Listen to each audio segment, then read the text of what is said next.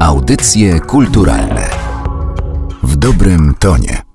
Jedna z komend wojskowych to baczność. Wzywa ona do przyjęcia wyprostowanej postawy, co ma sprzyjać natężeniu uwagi. Nie bez powodu nazwa takiej postawy i też nazwa tej komendy to baczność właśnie.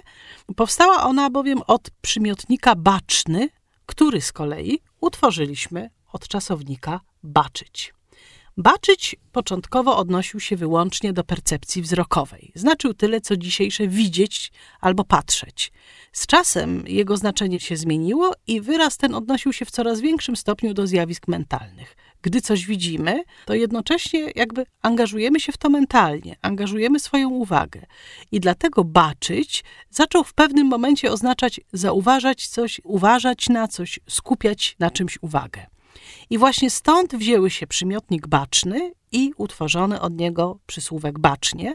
Używamy ich jeszcze dzisiaj, gdy chcemy na przykład kogoś nazwać, nazywamy kogoś bacznym obserwatorem albo mówimy, że czemuś trzeba się bacznie przyjrzeć.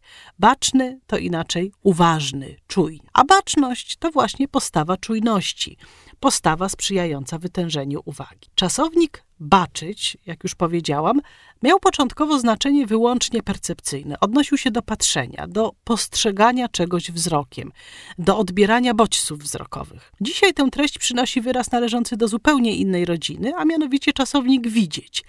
Ale jego odpowiednikiem dokonanym jest już zobaczyć, czyli słowo no, bliskie temu baczyć.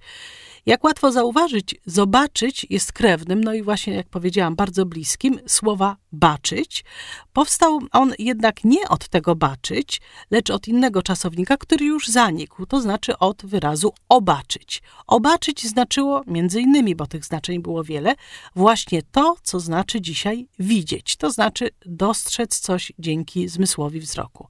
Dodano do tego obaczyć przedrostek z, który często tworzy formy dokonane, na przykład tak jak zrobić, który jest odpowiednikiem dokonanym czasownika robić, a więc do tego obaczyć dodano przedrostek z i w ten sposób powstał zobaczyć. Uważa się, że do powstania tego czasownika mogło też przyczynić się to, że wówczas, czyli w XVII wieku, treść, którą dzisiaj wyraża zobaczyć, oddawano za pomocą czasownika zoczyć, zoczyć, w którym ukryte jest słowo oko. Zoczyć i zobaczyć podobnie brzmią i mają podobną budowę, co niewątpliwie wpłynęło na powstanie, a potem upowszechnienie się tej formy zobaczyć.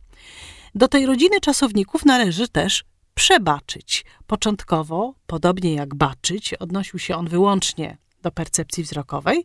Występujący tutaj przedrostek prze wskazywał na wykonanie czegoś jakby z mniejszą intensywnością. Przebaczyć znaczyło patrzeć na coś mniej dokładnie. Tak jak na przykład przeoczyć, to nie zauważyć, dlatego że spojrzało się na coś niedokładnie. I w zasadzie przebaczyć miało dokładnie to samo znaczenie kiedyś, co dzisiaj ma przeoczyć, czyli nie zauważyć, dlatego że się y, no jakby na coś patrzyło niewystarczająco dokładnie.